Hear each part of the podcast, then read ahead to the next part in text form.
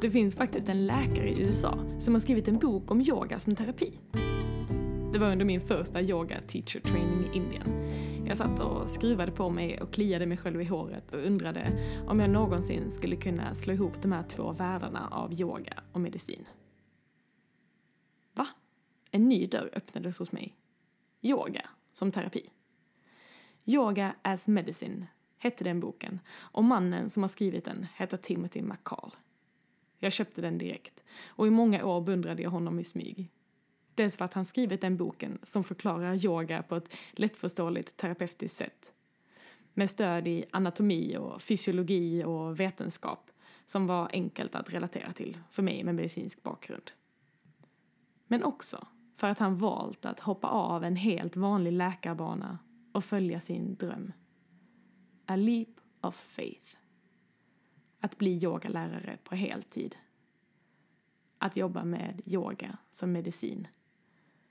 Att bli yogadoktorn. Han är faktiskt inte yogadoktorn, men the yoga doctor. Så en dag i somras såg jag att Timothy varit inne på min LinkedIn och gillat något jag lagt upp. Det pirrade lite i mig. Perfekt, tänkte jag och skickade ut en förfrågan. Timothy, vill du vara med i min podd? Absolut, sa han. Och här kommer det samtal som vi spelade in ihop.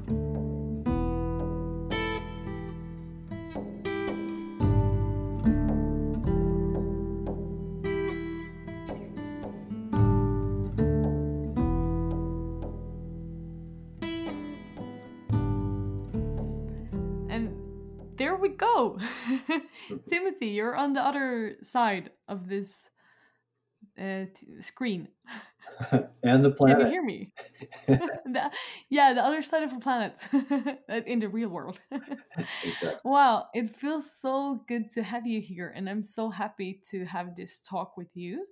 You have been such a big inspiration for me for many years, and I have your book as a Bible, and I go back to it every now and then and I was so happy when I I uh, my teacher told me that there is a doctor and he has written a book about yoga as medicine, and now you're here.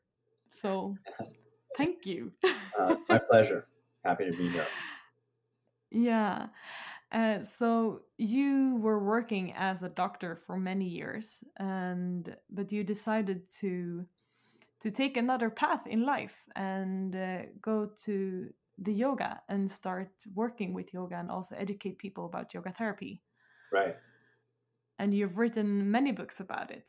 And uh, we're going to talk about that today and also like yoga as therapy and yoga philosophy and spirituality and health and physiology and medicine and a lot of things. I have so many questions for you. okay. Well, let's see what we can fit in. Yeah.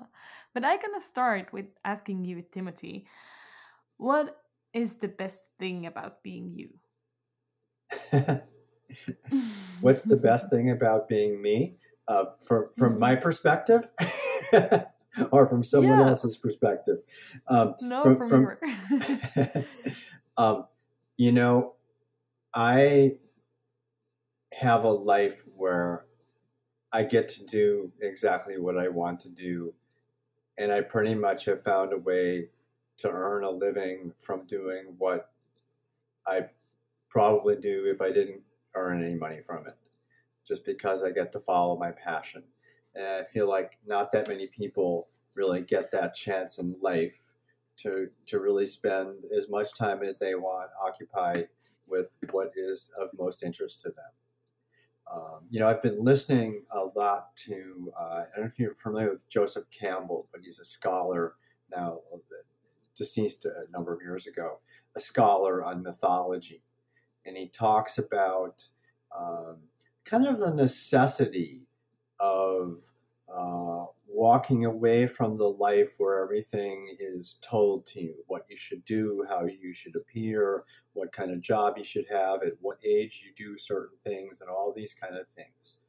And mm. you, on some level, and this is also a philosophy from Tantra, that on mm. some level, you have to be willing to buck the system and not follow the rules that your heart tells you don't apply to you and and, and that requires sometimes some bravery and uh, some sacrifice, uh, certainly a financial sacrifice, um, but also sometimes a sacrifice in what other people think of you. Uh, when I made the decision to uh, really go into this yoga doctor thing, or the American version of the yoga doctor thing, anyway. yeah, we're actually two yoga doctors speaking. I know. I know. How cool. yeah. Um, you know, some people really thought I was crazy and and and told me that I would never be respected again if I did that. And mm-hmm. but I just knew it was what I wanted to do, and I went for it. So I, I feel like having allowed myself the freedom to follow my bliss, to follow my passion, um, mm-hmm. has really just set me up for a life that just keeps on getting more interesting all the time. Mm. Yeah, I remember like when I read your book for the first time in the introduction, I think it is, that you wrote like, yeah, I decided to take a leap of faith and and that like leap of faith and just do it, just jump. Right. What uh, what was it that made you do it? You know, I think it was just um, listening to that intuitive voice from from inside me you know, it's funny. At the time that I left medicine, um, hmm. some people said to me, "Oh, you're so brave," and to me, I didn't. I felt like bravery had nothing to do with it. It just felt like mm. it's like obvious. I have to do this. This I, I like this better. You know, the the practice of medicine in the states at that time in the late '90s when I stopped practicing um, was becoming more and more, you know, about corporate profits and all that kind of stuff. And we are getting less time with patients. And um, it felt to me hard to do medicine in a good way uh, with so mm. little time and such a so much work being piled on work and and, and it just it, it didn't feel satisfying and i felt that mm. the things that got sacrificed were spending time with patients, getting to know them better, teaching them more about their illness and you know, healthy lifestyle habits, for example. All that stuff were, were things that the corporate machine didn't think was valuable. And, and mm-hmm. so I was really uh, not happy in my medical practice in, in the last part of my career as these changes got implemented and as the conveyor belt in the factory, so to speak, got sped up, and we're supposed to be seeing patients ever and ever faster, and mm. you know, it just it just was not satisfying. And uh, you know, at that point, I had already written my first book, which is a book years ago about conventional medicine called "Examining Your Doctor."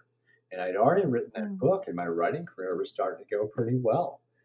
And I remember coming home from the clinic one day and sitting at the at the kitchen table in my apartment in Cambridge, Massachusetts, where I was living at the time, and just thinking, you don't have to do this anymore. You can just be a writer. Mm.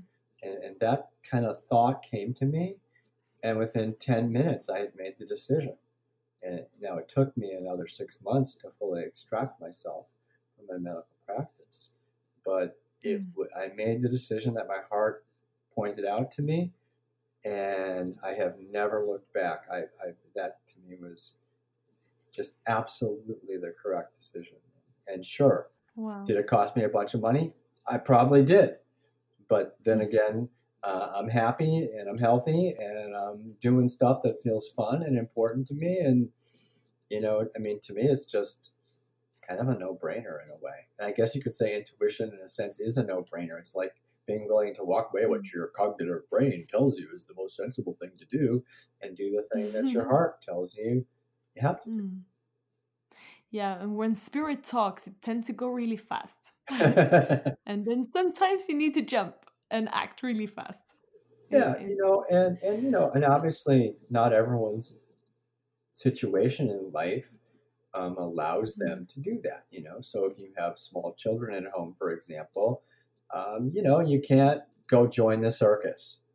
You have to mm. find a way to balance. But, you know, I was in a position where I, I could go join the yoga circus. so I did. Yeah, and it was in the right time.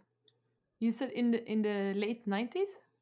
Uh, I, I made yeah. I so I quit. I I, I really kind of started putting my attention in a major way into yoga. Was uh, in, the mid '90s, but then I ramped it up in the late '90s, and then by about the year 2000, I had gone to full time.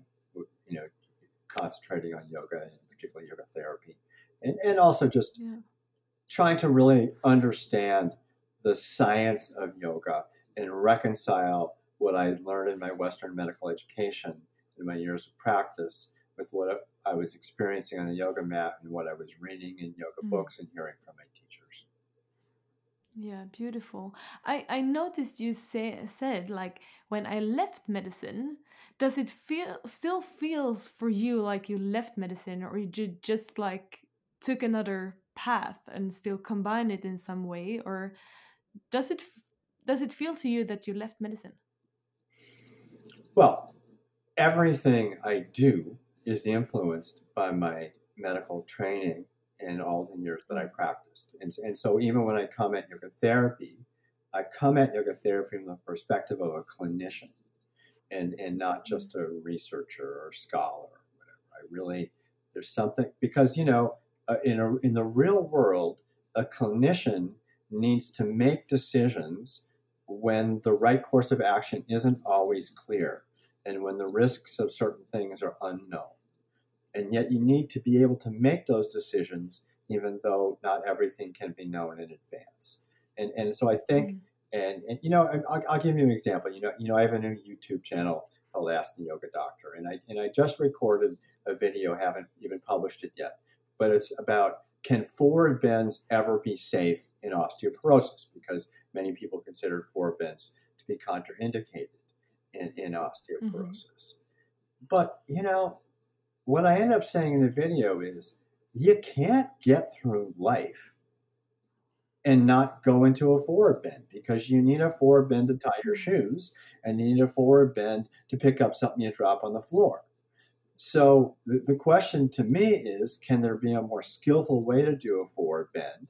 And even mm-hmm. can there be, and even though there might be some risk in doing it, there's also a risk in not doing it because you get deconditioned and your bones become weaker if you don't stress them at all. Stress, the right amount of stress is good for you. Too much stress is obviously a problem, and it's the same for bones. Too much stress, you break a bone. The right amount of stress and you strengthen the bone. Too little stress, and over time, the bone becomes weaker.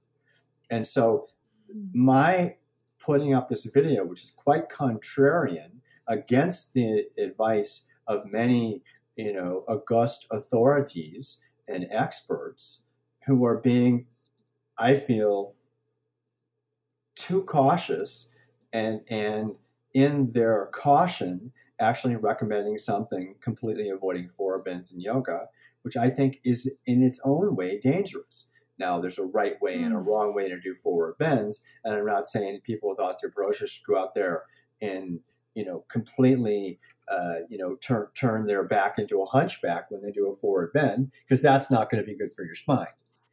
But but mm. there, I, I think there could be a skillful way. So that's an example of just how my clinical stuff um, really informs what I do.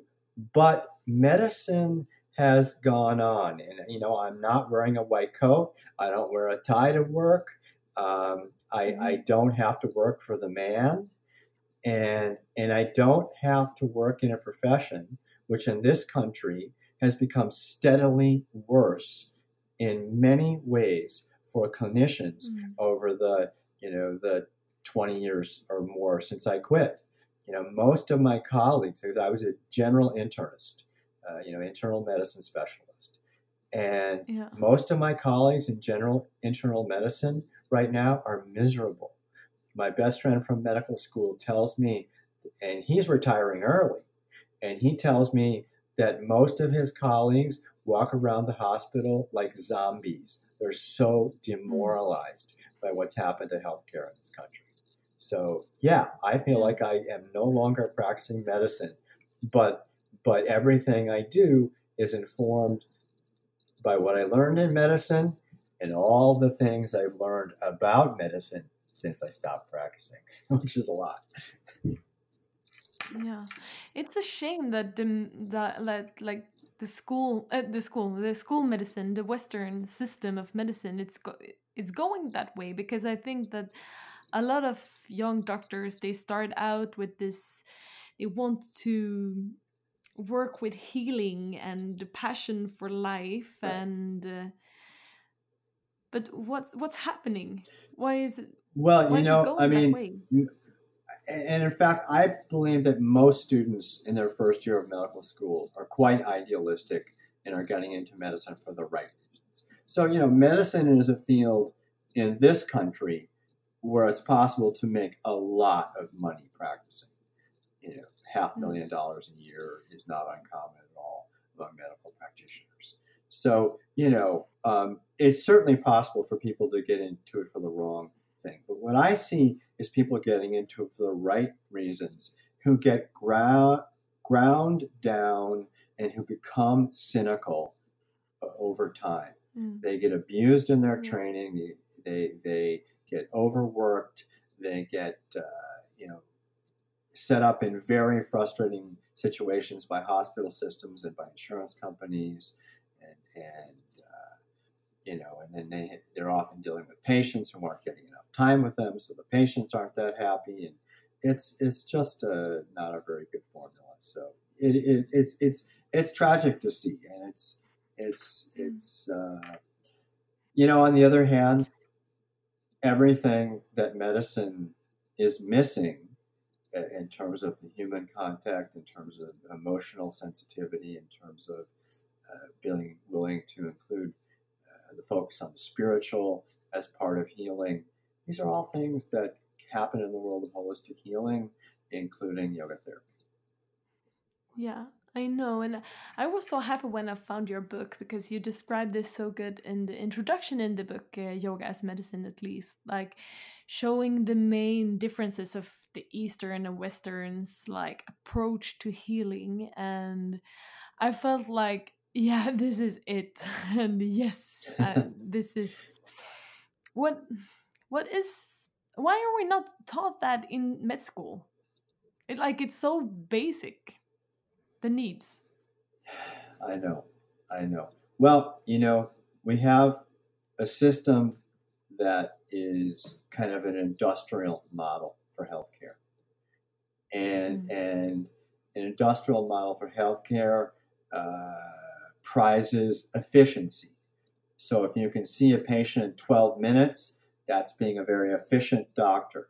And, and if they mm-hmm. can give you a nice evaluation, uh, which which maybe um, you'll get because you'll write a prescription for the drug that they don't need but which they've requested. So that's a nice way to get a nice evaluation form and see our patients quickly. The two measurable things that the that the industrial machines that run medicine look for in practitioners. So, you know, if I spend 20 minutes teaching you about diet, as far as the insurance company or the government is concerned, I just wasted 20 minutes. I haven't done anything measurably good, even though it could make all the difference in the world. It isn't counted. So it's a crazy system where the, some of the stuff that's the most important is somehow discounted and decided is not important. And, you know, there are lots of reasons for it. Um, but, you know, a lot of this comes down to money and spending time with patients and educating them and getting to know them and making them feel listened to is expensive. Yeah. And and yeah. and uh, and and and payers don't want to pay. And so then yeah. so then people often have to try to find it on their own. And of course the problem with that, particularly in a system like the States that doesn't have a good social support network, is that that often means that poor people don't get any choice. Yeah. And that's yeah. A, and that, that. Do you think we're making people more ill that they have to be?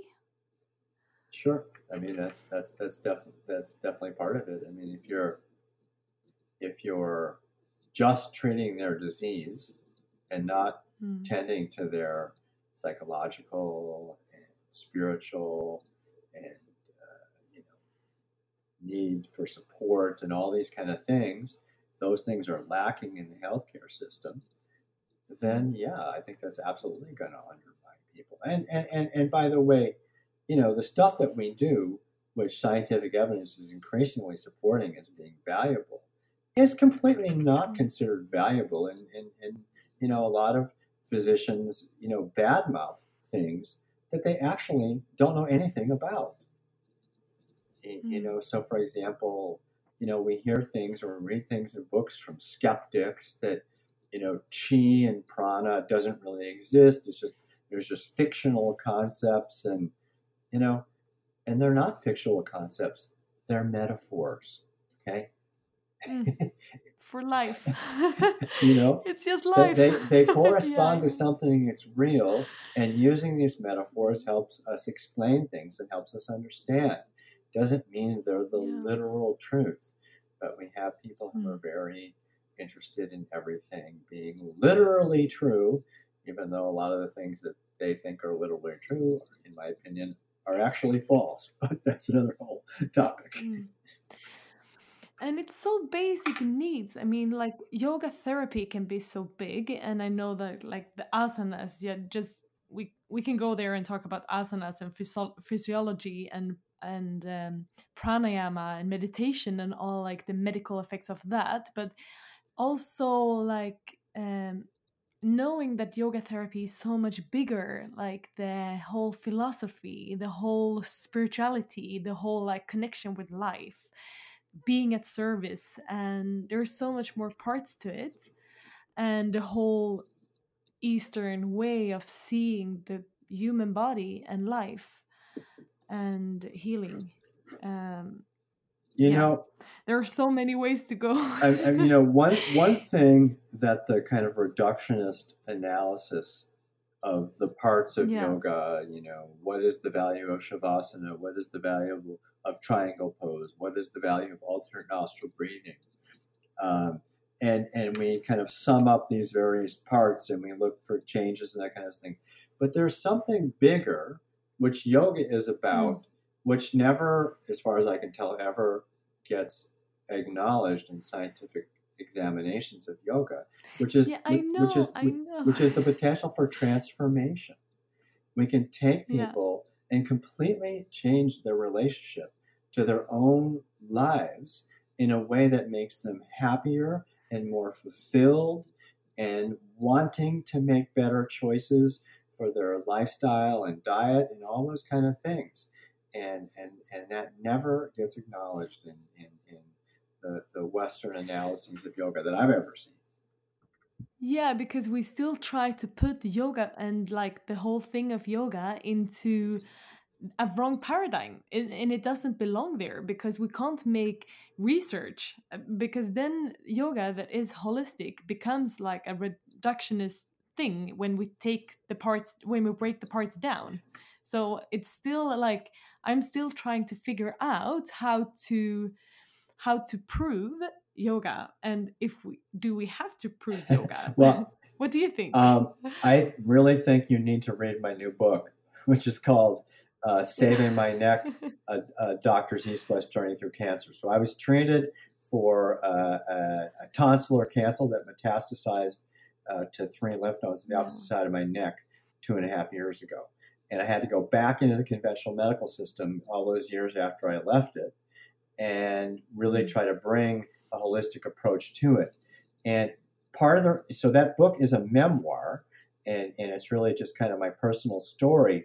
But in the process of telling the story, I absolutely go into an incredible amount of detail about the difference between holism and reductionism and how we're how we're trying to apply research techniques that are designed to study reductionist therapies like drugs, for example, uh, mm. to study holistic things like yoga and, and what an imperfect fit that is, how it leads to all kinds of problems, how it sets yoga up to never be taken as seriously as it is, because when you study a holistic modality using strictly reductionist techniques, for example, insisting that a field that always personalizes the um, therapies based on the particulars of the individual, which are themselves constantly changing when as circumstances mm. change. And we insist that instead we have to study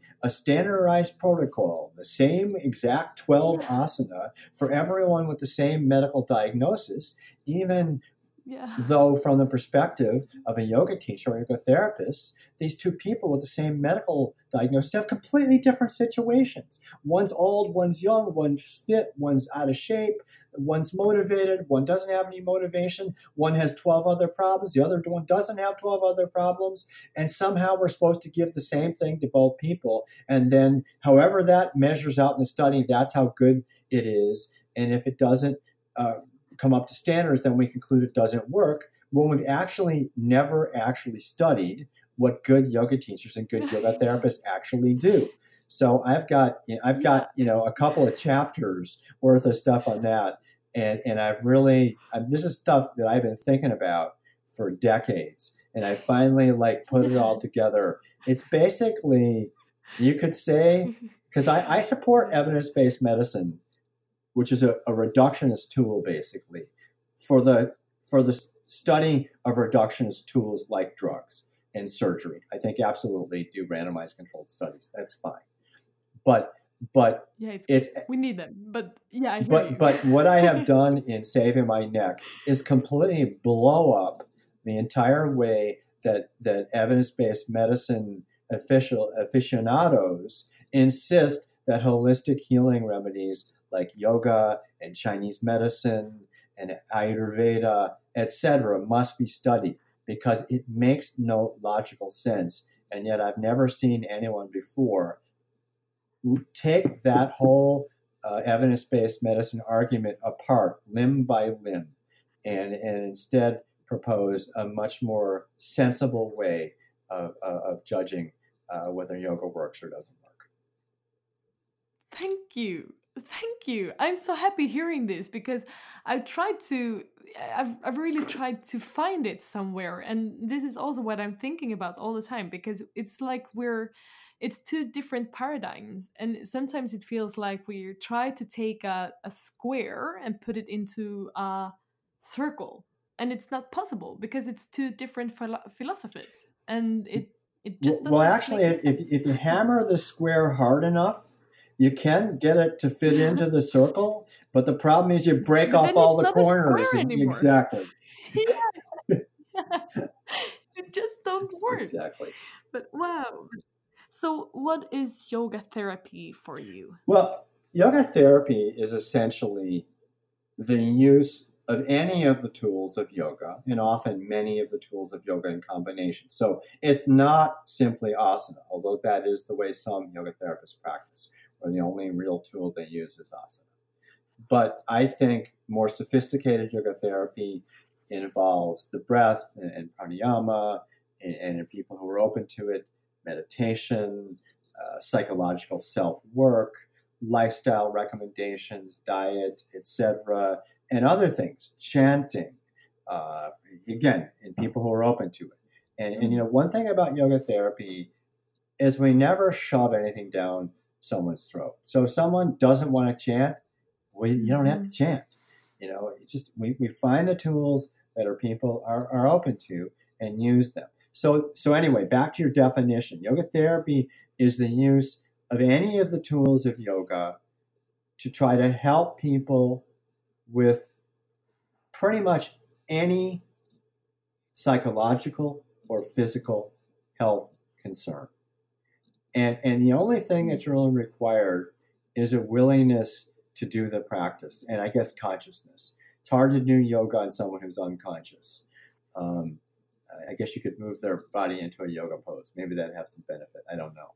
Take comatose people and put them in mm. Viparita Karani. What do you think? I yeah. don't think so either. then it's not Viparita.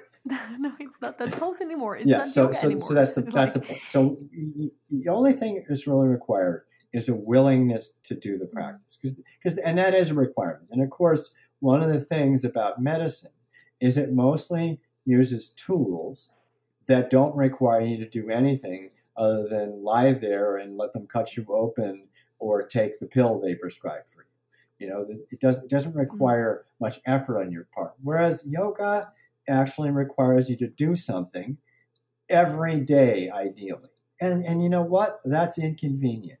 And a lot of people would rather not do it. So so you know, yoga also demands something from you that Western medicine does not. But in that self effort comes a whole lot of benefits, including feeling better about your ability to affect what's happening to you because you can see that what mm. you're doing seems to make a difference. But so that's another question like that always arises in me like I know that everyone knows that it's good to eat better and it's good to work out and it's good to like you can do so much for your own health but you still don't do it because we always find ex- excuses not to do it. And so why why is it so hard and and how how to work on the motivation and and how to make people do the work how to help people help themselves. well this is you know i know what exactly I mean? what you mean and, it, and it's a huge issue. And it's what yoga really has to offer the world. And it's the piece that's missing in modern medicine and it's the piece that's missing in modern public health. Because you know a lot of public health people think that we need to educate people that junk food is bad for them or that smoking is unhealthy. We need to show them pictures on the side of their cigarette pack that show a lung with cancer to let people know that cigarette smoking causes cancer. But guess what? Everybody already knows that. No. Everyone yes. already knows that. The problem is people don't know how to get themselves to do what they actually want to do. Mm. And and the perfect example of this is New Year's resolutions.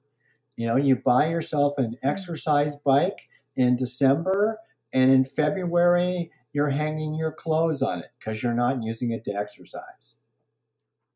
You know, yeah. so so so what yoga is is a technology to create habit patterns. And specifically the technology for changing a dysfunctional habit pattern in yoga is not to make the old habit go away. Rather, it's to develop a new counter habit and repeat it and repeat it and repeat it until it starts to become the default option. That's how we change mm. bad habits. And it is a technology of the mind and habit that takes advantage of neuroplasticity that the ancients couldn't have known about and yet intuited that this is how it works. That when you establish a habit and you repeat it regularly uh, without interruption over a long period of time and with enthusiasm, if that sounds familiar to you, mm-hmm. that's I'm paraphrasing Patanjali mm-hmm. there. you know, that is the formula yeah. for developing a new sanskara, a new habit pattern. And and and and mm. and so and the thing, we do one other thing with our yoga practice is we increase people's ability to feel what's happening in their own body. So they start to notice the consequences of what they do. And, and, and when you get, and part of the reason why, and, and you've probably noticed this eh, in, in the yoga world, you know, people come into yoga and after a year or two in yoga, they say, you know, I think I'm going to give up red meat. And then five years later, they're saying, you know, mm-hmm. I think I'm going to give up chicken, and and you know, I'm not going to eat any more food out of a can.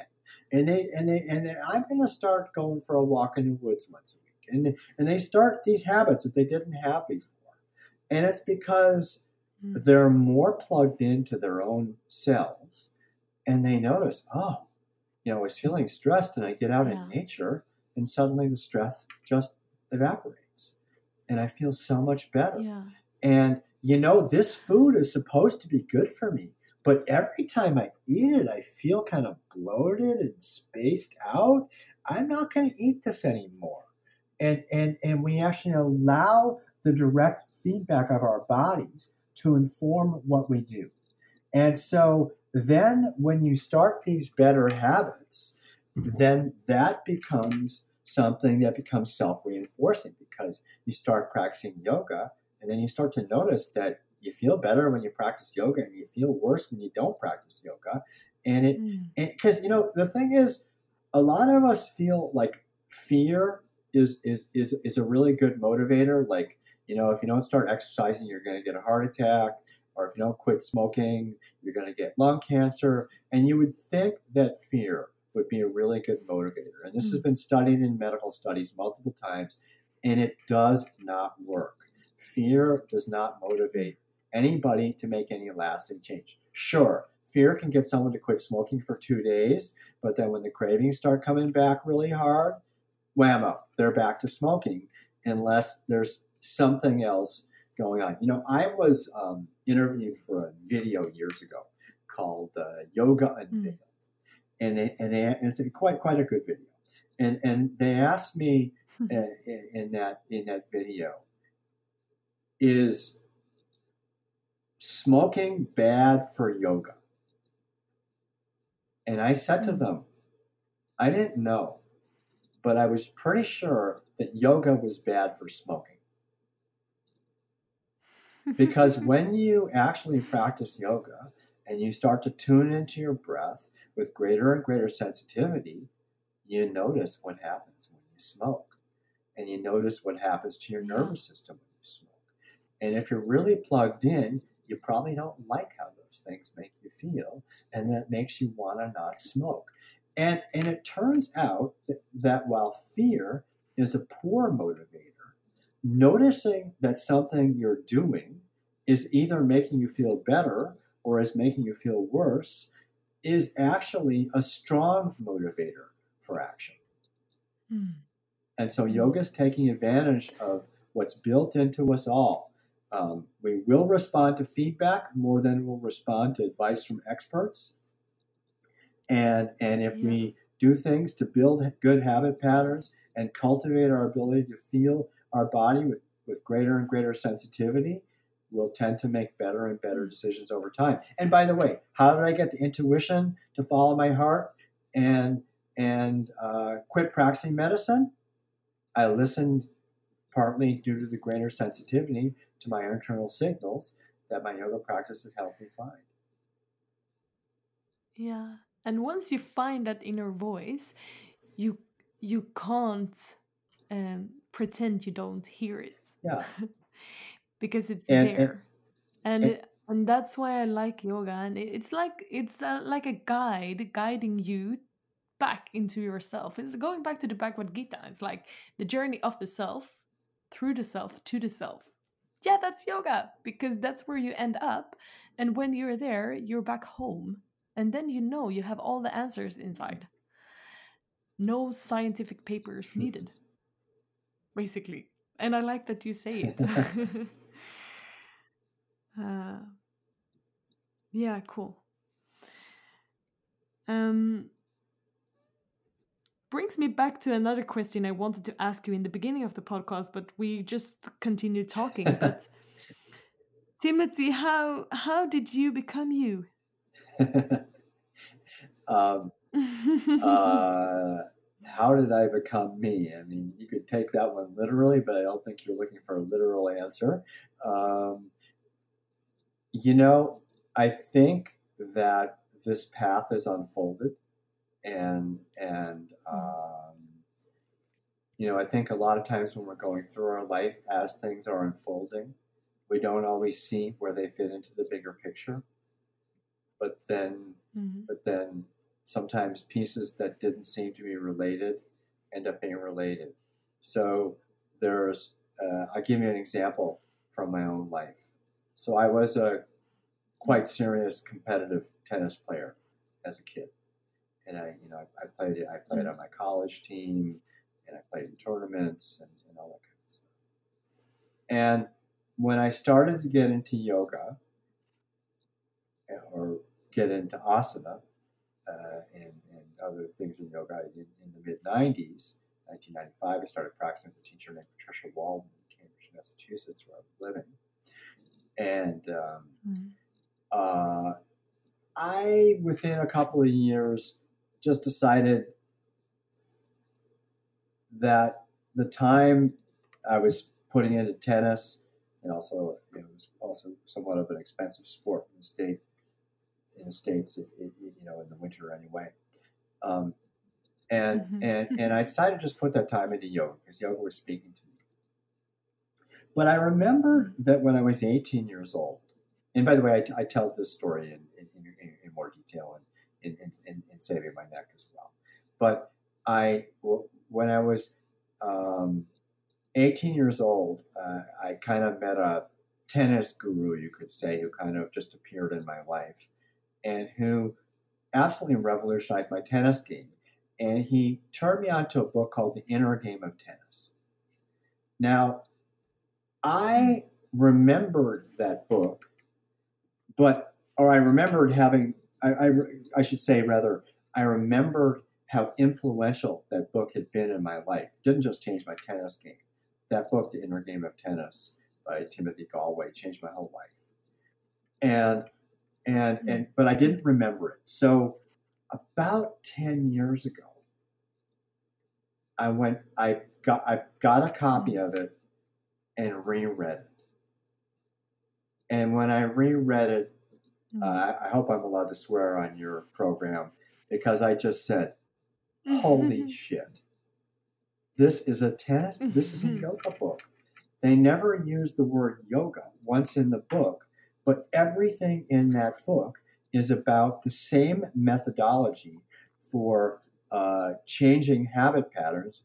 In this case, dysfunctional tennis strokes to better ones, and and also you know, he talked about studying the mind and what he called self one and self two, uh, which you could say one is the witness and the other is the ego. And he talked about using the breath Mm. uh, to modulate the nervous system. And he, and he talked about, uh, you know, all these ways of modeling the correct form to your body. And I realized, oh, this is yoga. And when I reread the book, and he, he never uses the word yoga once in the whole book, but the whole book is yoga. And then when you look at it, the book, written in 1974, was dedicated to Guru Maharaj Ji, who Mm. was, yeah. you know, so, so in fact, you know, I thought I started practicing yoga in my late 30s. I actually started at the age of 18 with the inner game of tennis. And Yeah. for the first 15 years or so that I did yoga, tennis strokes were my asana. And I Mhm. studied my body Mhm. and I studied my habit patterns and I tried to change the habit patterns.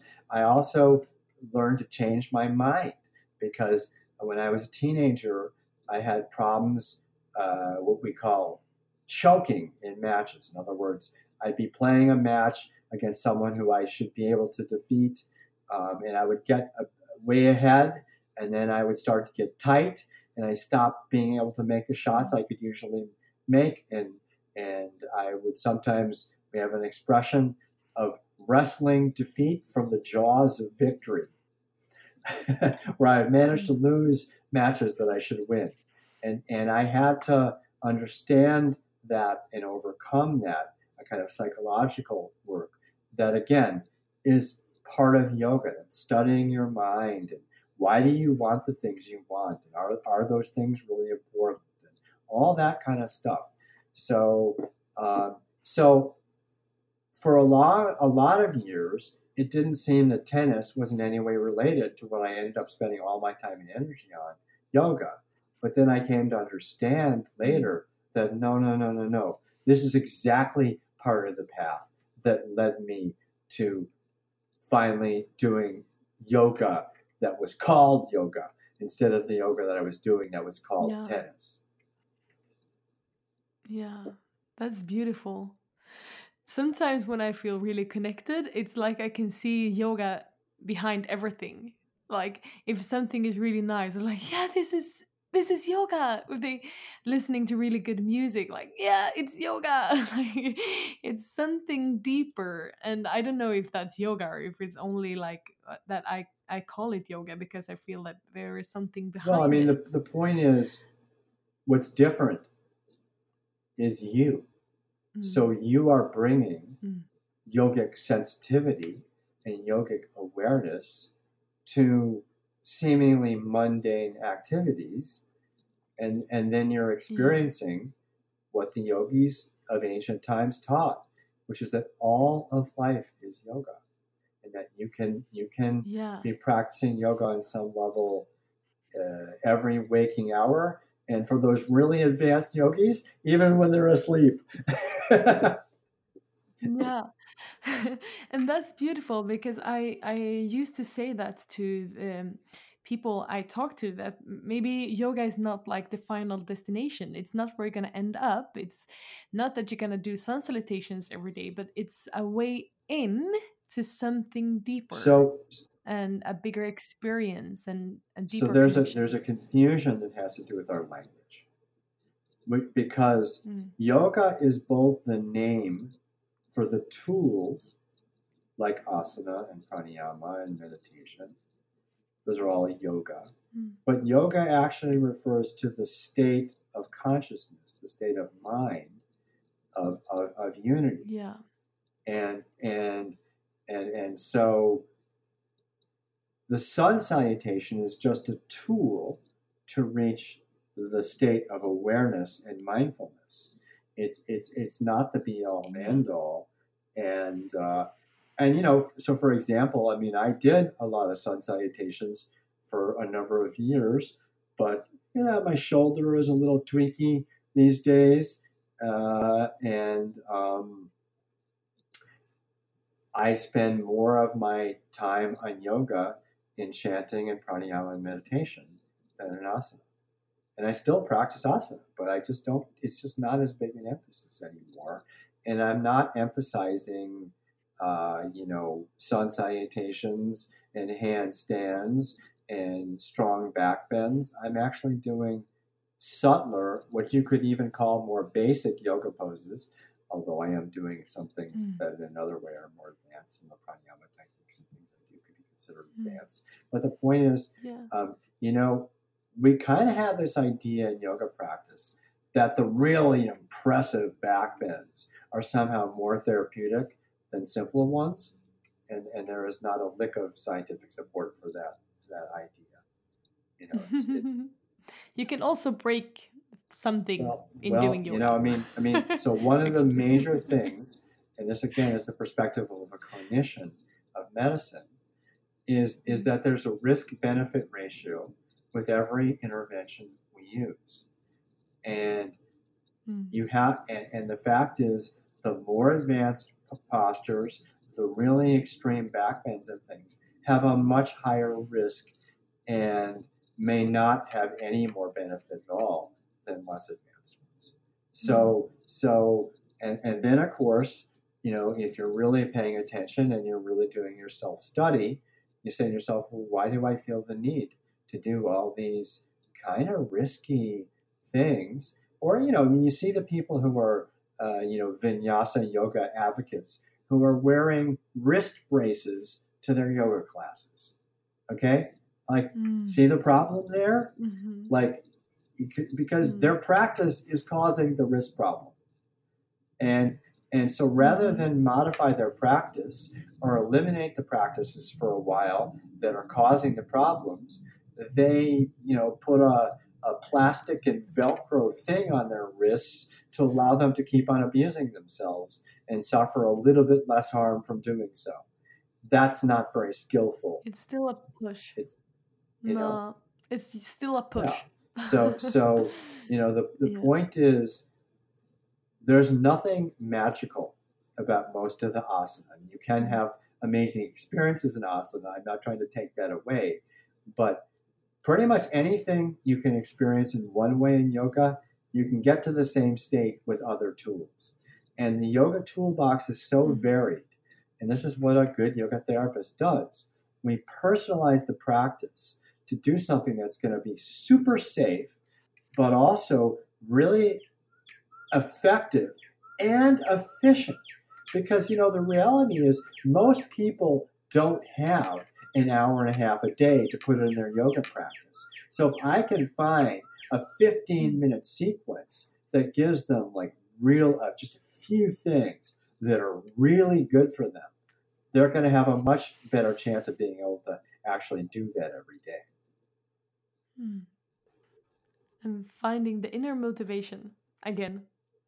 Well, you know, I mean, one, one of the things that, I, you know, I, I meant you talked earlier about, you know, the leap of faith. So you need to take a leap of faith to start practicing, and particularly a daily practice, mm. which is the thing that's most transformational. You know, a little bit every day, regularly, is way more valuable than a whole bunch just intermittently.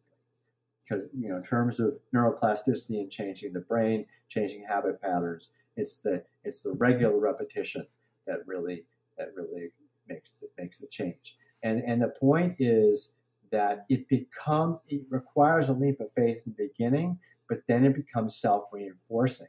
Like you know, if I sometimes have to skip a day of practice, which occasionally happens due to travel or other things, um, you know, I, I, mm-hmm. I miss it. I want to go back to it. I feel better if I can do it. And I know that. And so it keeps me going. Because you know what? Even though I love yoga, even though I've dedicated my life to yoga, there are some days when I really kind of rather not practice. It's kind of a little, I'd rather just sit on the couch or watch another video or whatever, you know, and, but yet, you know, you kind of know that, no, I'm going to get up there and even, and, I know. I know yeah. exactly. Well, and, and, and, and the thing is, what the yogi learns to do is hear the same mm-hmm. voice that all of us have. You don't have to practice today. You've done so much this week. You've had a hard week. Just relax. Hear that voice and say, yeah, yeah, yeah, yeah, yeah, then go and practice anyway. Okay? That's what the yogi does. Mm. Because we all have the voice that kind of tells us, you know, the angel on one shoulder and the devil on the other shoulder, and the devil saying, You don't have to practice today. You've been a good girl, you know, and you do it anyway. Mm. And, and so, how to develop that skill of doing it anyway? Do you think that it's possible to develop that skill? Uh, that that skill comes with practice. So it requires mm-hmm. tapas, you know, that kind of zeal or mm-hmm. ardor that brings you to your yoga mat, particularly in those days when you rather not practice. And the more you go and practice on the days that you kind of don't feel like it in the beginning, the more you mm-hmm. build the muscle of tapas that'll serve you in, the future. And by the way, the tapas that you build on your yoga mat then also helps you do other harder things in your life, like clean the basement. Mm. But this is interesting because if we go back to uh, healthcare uh, again, and with the perspective of tapas, do we tend to, as caregivers, uh, to be too too nice to our patients? Like like we we give them the pills and they don't need to do the work themselves and that's not actually helping anyone because it would be right. more of a help to actually help them push themselves and actually help them do the work that would be more beneficial in the long run but we think we help yeah. them by making giving them a shortcut that doesn't even lead up to anything well, and and and you know, we don't want to blame the individual doctors because you know they are part of a system. This is the way they've been trained. Uh, they they haven't been taught the tools of, of breath control and meditation and these are asana and other things. You know, mm. they they haven't learned these things. They've been taught to prescribe drugs and to order tests and to do the standard things. So yeah, I mean, I think it's a, a, system that doesn't make sense, but it's a system we have, and and so we, we need to you know not falsely blame the doctors because they're just you know they've been trained in a system and culture acculturated in a system, and and they, they do what we do. So we need to have compassion for them too. But yeah, I think that on some level, um, that's I think why so many people are, are reaching out for things like yoga and other forms of holistic healing mm. because they do provide all the pieces that are kind of missing in conventional healthcare. Mm. And and yeah, it'd be great if we could uh, change medicine to make it have more of this perspective. And I do think that that change will come. You know, I'm I'm seeing you know more physicians opening to yoga but to me, rather than being about older physicians embracing yoga, what I see is happening is just a, a generational change where people who are coming into medicine now uh, may have been practicing yoga or doing qigong or have already had acupuncture multiple times before they ever get to medical school, mm. and, or their spouses are doing it, or their friends are doing it, and and of course, you know, uh, back when I started yoga or asana in 1995, uh, you know, there wasn't a lot of scientific support uh, for yoga.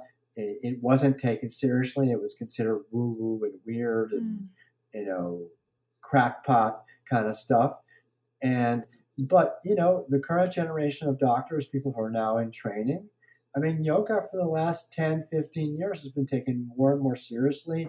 There are hundreds of, you know, randomized controlled trials that have been done and meta-analyses that have been done. And even though they've got the flawed methodology where we're just talking about, they're still helping make the case that yoga works. And, and, and they're, they're helping lend scientific legitimacy. The fact that they're systematically underestimating the power of yoga, I think, is a problem, and it's part of what I wrote about in Saving My Neck. But the, the, the fact is, the fact that that research is being done, even if it is shoving the uh, square peg into the round hole, mm. it's still mm-hmm. helping. Yeah, so, and we it, also have a new perspective where we look at health and, and disease. I think when we we start to apply the trauma perspective that we're actually caused by our experiences, and and we we have this in us and our experiences uh, affects us in the long run. And that's also a new perspective of at looking at the human body and uh, and healing in another way i think. And that also helps us to understand that disease and bad health is something bigger and we need other things to to heal that yeah i mean another system. I, I am you know again I, I i am not seeing in conventional medicine that much understanding of trauma i think it's cropping up in more and more places and of course in this country with the you know, huge number of, of, soldiers coming back from the Middle East and Afghanistan and other things who have you know PTSD and other stuff, and the growing recognition of the huge problem of childhood sexual abuse, particularly yeah. among women. You know, so so I, I think there's a greater sensitivity of trauma, but again, it's piecemeal, and and I, I, I do think there are are some older practitioners who embrace it, but I think this is mostly a kind of generational change in how we view things that's that's underway. So I, I do have confidence that things are changing. Mm. Uh, I think that you know for the time being, there's still going to be the conflict of doing things the best way and doing things in a way that the bean counters think is the most economically uh, you know advantageous. We've still got those problems, and of course, the darn thing is that when you get people to do stuff like yoga and they improve their habits and improve their lifestyle, they end up saving so much money in healthcare in the long term. Mm-hmm. I mean, mm-hmm. you know, I haven't, you know, except during my cancer care, I haven't need to use any drugs, even for headaches, mm-hmm. for like decades. I don't, I, and, and, and, you know, I have a high healthcare deductible on my health insurance here in the States and I never meet my deductible because I never go to the doctor for, for almost anything. Hmm. You know, and, and I think a big part of that is because I do all this stuff that keeps me healthy. Yeah. Yeah, it's um, it saves money in the long run. yeah. Yeah, before we we close this this session, this talk, um, I know that you you got cancer. Um, like a couple of right. years ago and how did that change you and uh, did that change your practice and your perspective of medicine and healing um yeah definitely um, you know i mean obviously um, it was a real wake-up call so i had a i had an hpv related um, tonsillar cancer HPV is the human papillomavirus, the same virus that causes cervical cancer in most mm-hmm. cases.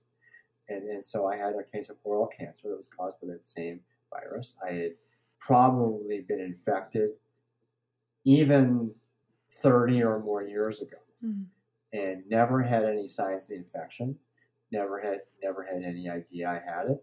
Um, probably cleared it from my body a long time ago as most people infected with hpv do and by the way 90% or more of people who are sexually active uh, or who were certainly who were sexually active before uh, the hpv vaccines came out you know 90 plus percentage of those people have been infected at some point in their life or another with hpv so i got an hpv infection asymptomatic never knew about it, but presumably some of the DNA from the virus implanted itself in my DNA, and then, you know, all these decades later, a cancer grew. So, um, you know, I think on, on some level, it really focuses the mind, as they say. And, and uh, particularly, um, when I started to learn about, you know, so I, you know, I went through the treatment and I used a lot of holistic stuff to help me, acupuncture and fasting during chemotherapy, a bunch of other stuff to, um, you know, get me through the, through the, you know, intense, you know, the radiation therapy, chemotherapy, etc., uh, with, with, with, you know, way fewer side effects than most people suffer. Mm. Um, and, and so it was really helpful. But then as I finished therapy and I started looking to the long term, uh, I realized that I was actually, it seemed like from the evidence I had at the time, at pretty high risk of having a recurrence. And recurrence is very likely to be deadly. Um, and, and so at that point, which was probably maybe about three months after I finished my chemotherapy and radiation, when I was starting to get my strength back to some extent, I really decided that if I wanted to try to maximize my chance for a long, healthy life, Mm. that I needed to up my game, even though I had, um, even even though I had, uh, uh, you know, been eating a healthy vegetarian diet for many years and exercising regularly and doing all this yoga and stuff. There are ways that I could do better. Uh, and, you know, I, I refer to it kind of in sports terms of needing to up my game. If Mm. I, I needed, I needed to do better. And and you know, and so I did things like I decided to give up all added sugar from my diet. I gave up chocolate.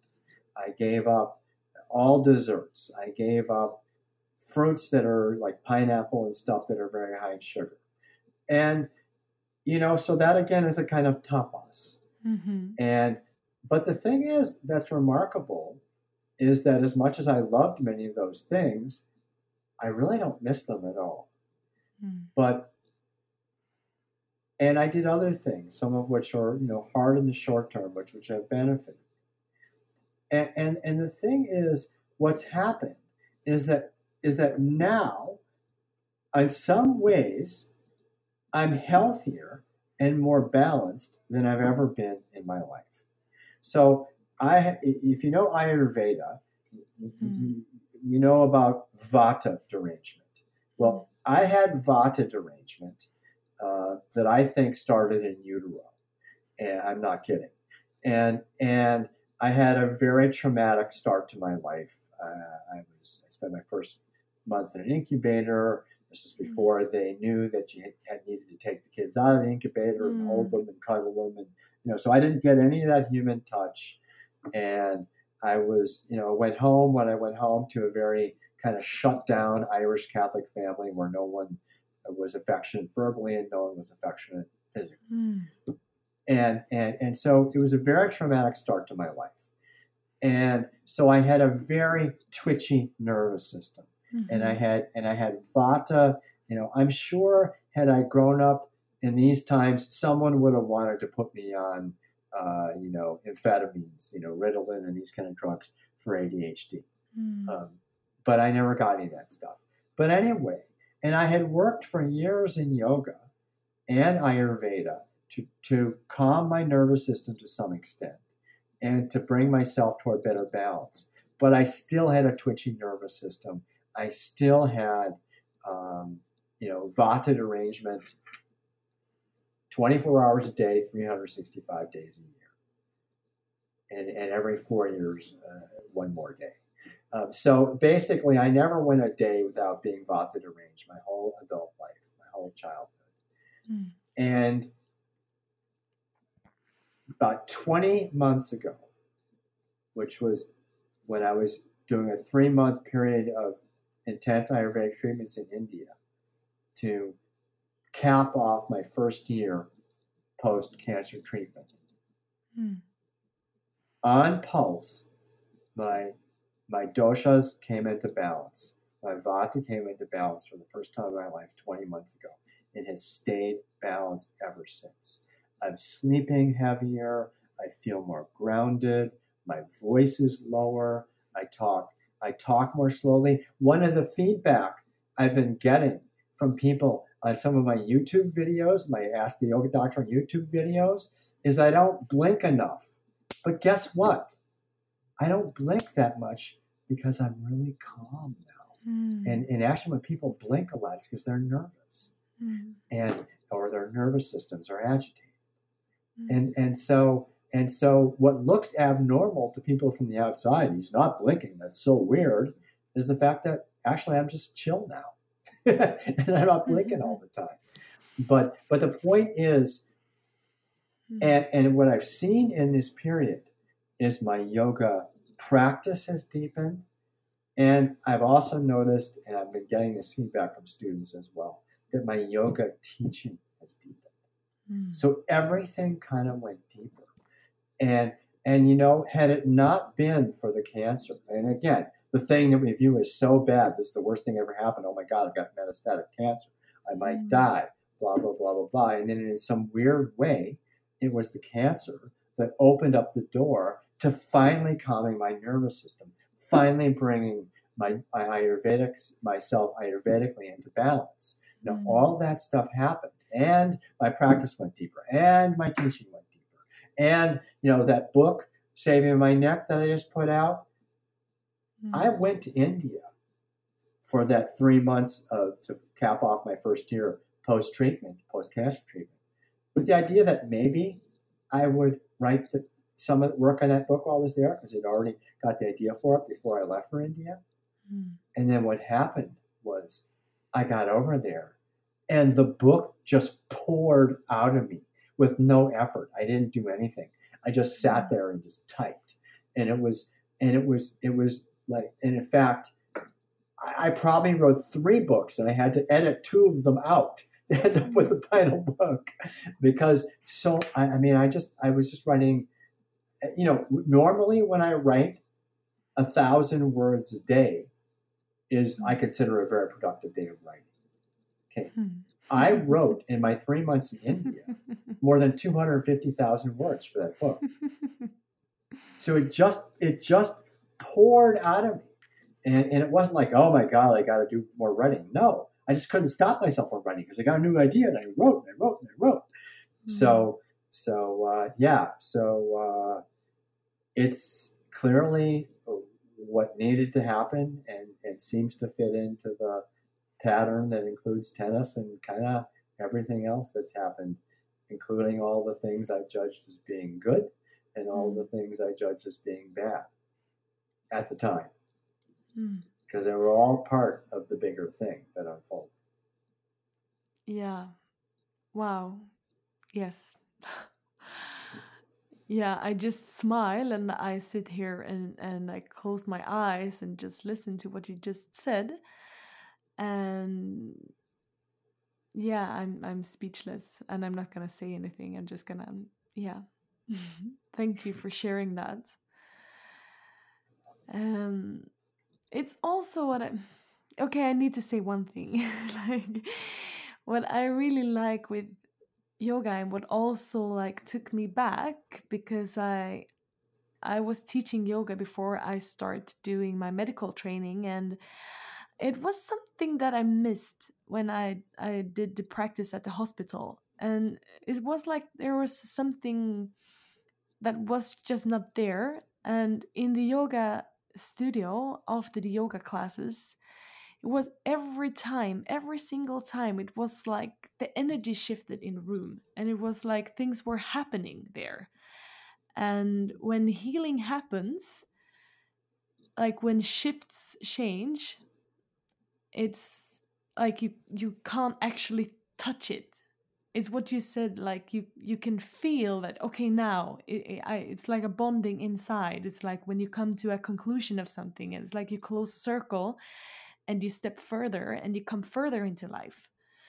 and mm. that's healing i think and yeah. it's not uh, just a fussy thing or um wah wah thing or what you said it's it's actually there. You can touch it you can see it you can feel it and and it's so beautiful and it's so beautiful to hear your story because it's also put words to them something that is really hard to describe but when you know it you know it and yeah thank you.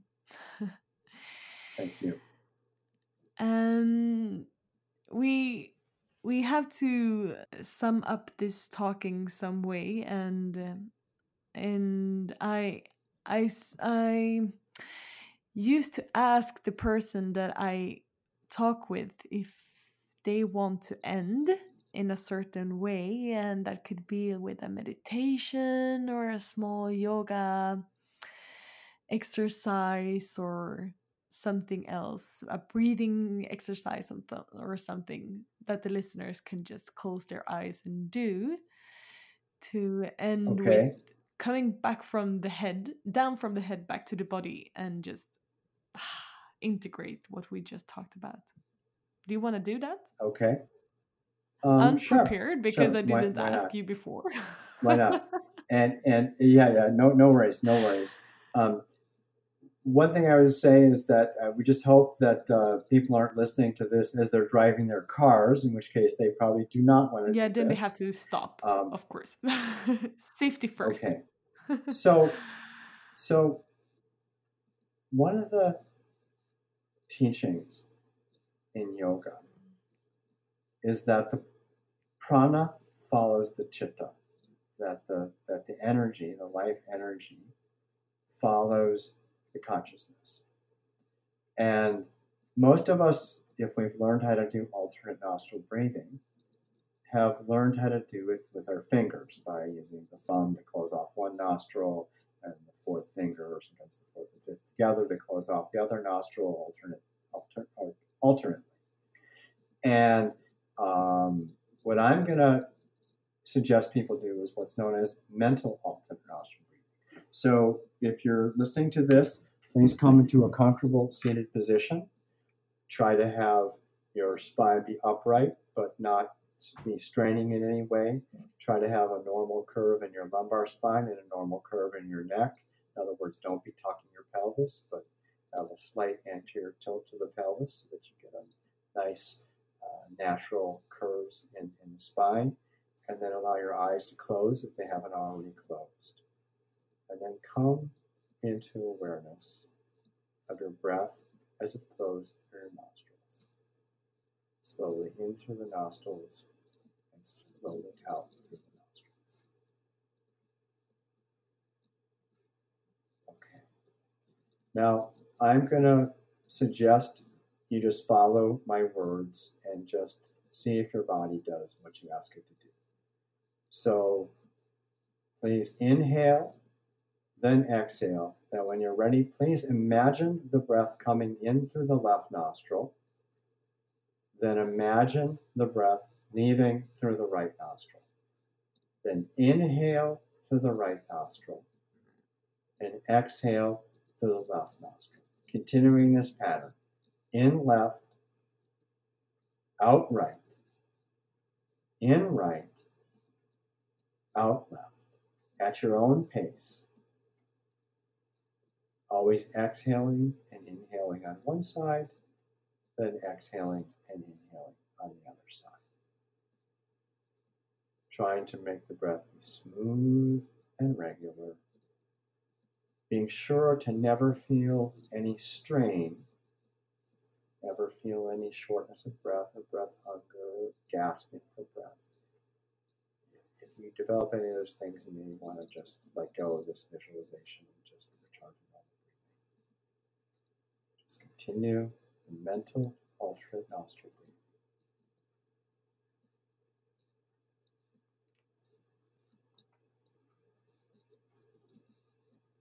And then the next time you exhale through the left nostril, return to normal breathing.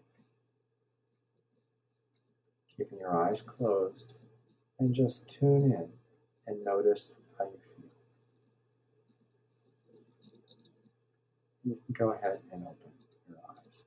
So that was perhaps a minute of mental alternate nostril breathing. Mm. Um, you may have noticed that you had some change in your physiology, some change in your awareness Mm. when you did that practice. Did you notice that when you asked the breath to go through the left nostril, that indeed it did? Mm. Because that's most people's experience. I taught this to my mother when she was 85 years old, Mm. and I caught her later in the day.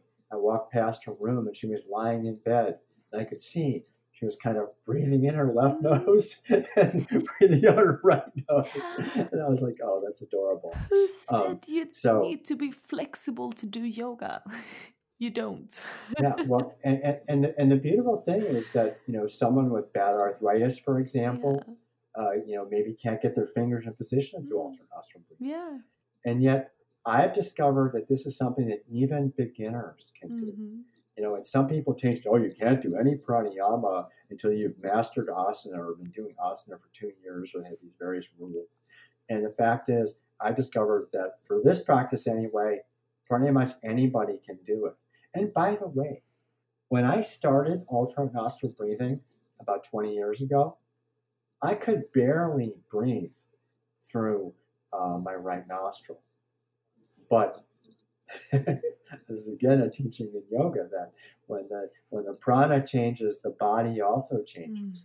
And now, and I don't quite know how it happens. Now I can breathe in much more air on that right side than I used to be able to do. Mm. And and so and the beauty of mental alternate nostril breathing, which is a as you probably noticed, calming and balancing, is that say you're sitting in an airplane on the tarmac and you're nervous, you can do it, and nobody around you will have any idea you're doing. it. Mm. You, you can do it at the grocery store. You can do it at home when your kids are starting to melt down. you know, you can. The point is, uh, it's a, a, a- a technique that can be useful in changing, you know, bringing you into a more restful, balanced state that and, that you can do, and no one around you needs to be any wiser. Mm. Fantastic. Lovely. Thank you for sharing that exercise. I love it. And My pleasure. but we also need to announce, Timothy, that you're actually coming to Sweden, right? Yes, yeah, yeah, yeah. I'm, I'm going to be teaching in Stockholm. Uh, so I have a, a five day yoga therapy training called Yoga as Medicine. Mm. And this is a hands on kind of roll up your sleeves workshop where we actually break into groups and do yoga therapy on each other. And I supervise the whole process. Mm. And we have case presentations, and I kind of pick apart the cases and we try to see what we could do better, what we might have missed.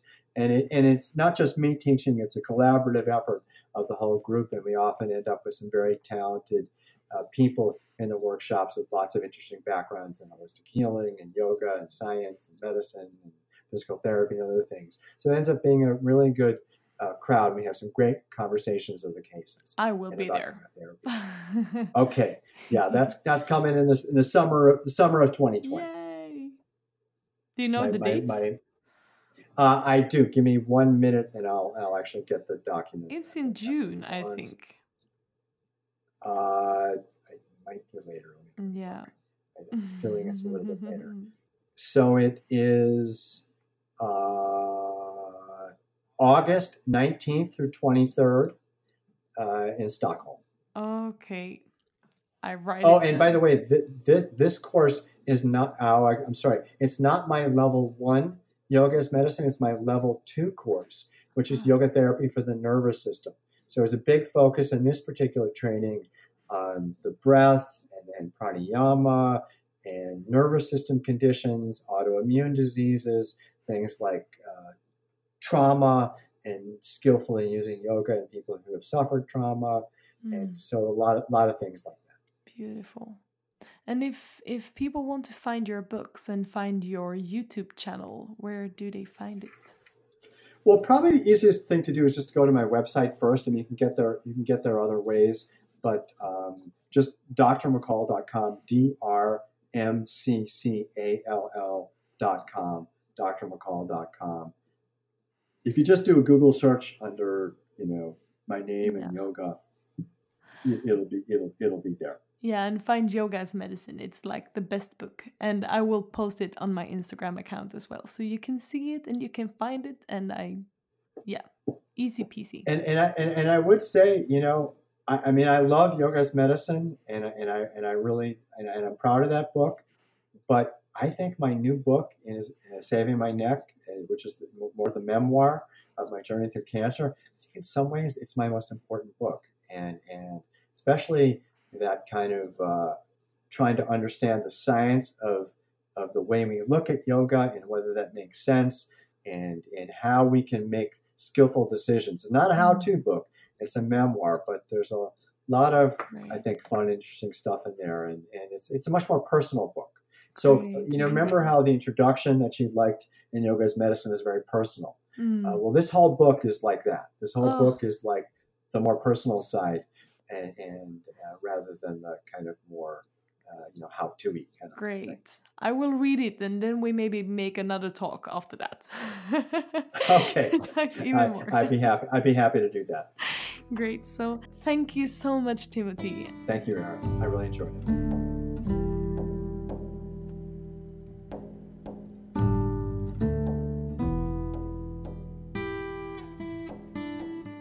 vill jag skicka ett stort tack till Yogobi som hjälper oss att göra den här podden möjlig. På yogobi.com kan man hitta yogaklasser och föreläsningar och träningsprogram med Sveriges främsta yogalärare på ett och samma ställe.